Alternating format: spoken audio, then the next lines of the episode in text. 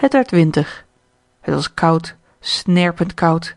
Het eendje moest in het water rondzwemmen om te maken dat dit niet heelemaal dicht vroor maar met iedere nacht werd het gat waarin het zwom al kleiner en kleiner. Het vroor dat het kraakte. Het eendje moest voortdurend zijn pooten gebruiken opdat het gat niet geheel dicht zou gaan.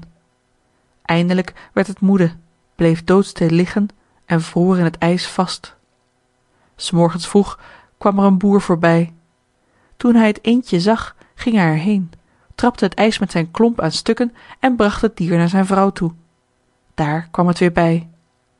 De kinderen wilden met hem spelen maar het eendje dacht dat ze hem kwaad wilden doen en vloog in zijn angst juist in het melkvat zoodat de melk overal in de kamer rondspatte. De vrouw sloeg de handen in elkaar waarop het eerst in het botervat en toen in de meelton vloog. Wat zag het er nu uit de vrouw schreeuwde en sloeg met de tang naar het arme beest.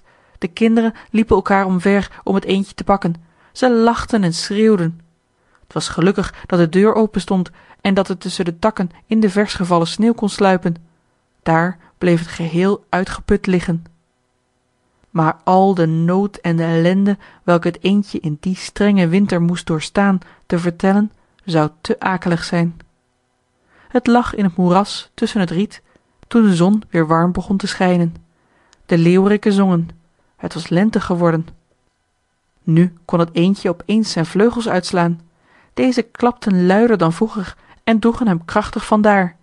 En voordat het beest het recht wist bevond het zich in een grooten tuin waarin de vlierboomen geurden en hun lange groene takken tot in het water neerbogen.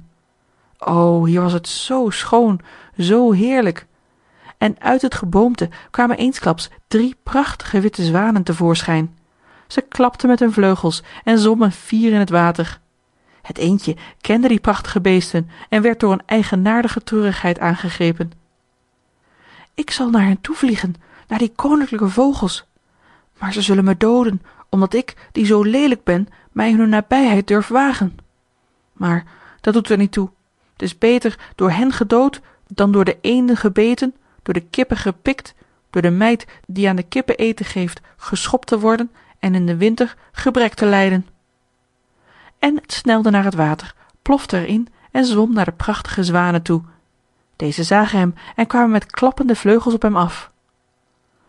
Dood me maar zei het arme beest boog zijn kop voorover en verwachtte niets anders dan den dood. Maar wat zag het nu in het heldere water? Het zag daarin zijn eigen beeltenis niet meer die van een logge grauwe leelijke vogel maar van een zwaan. Het doet er niet toe door een eend uitgebroed te worden als men maar uit een zwanenei gekomen is. Het gevoelde zich nu verheugd over al de nood en de ontberingen die het doorgestaan had. Nu erkende het eerst recht zijn geluk en de heerlijkheid die hem omringde. En de zwanen zwommen om hem heen en streelden hem met hun snavels. Eenige kinderen kwamen den tuin inloopen ze gooiden brood en gerst in het water en het kleinste riep daar is een nieuwe zwaan. En de andere kinderen jubelden mee ja er is een nieuwe bijgekomen. En ze klapten in de handen en dansten in de rondte liepen naar hun ouders toe en er werd brood en koek in het water geworpen. En ze zeiden allemaal die nieuwe is nog de mooiste. Hij is zoo jong en ziet er zoo prachtig uit. En de andere zwanen bogen zich voor hem nu gevoelde het zich geheel beschaamd en stak zijn kop onder zijn vleugels. Het wist zelf niet hoe het zich zou houden.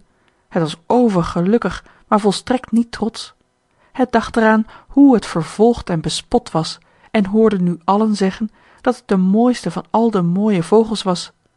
Zelfs de vlierboom boog zich met zijn takken tot hem in het water neer en de zon scheen warm en liefelijk.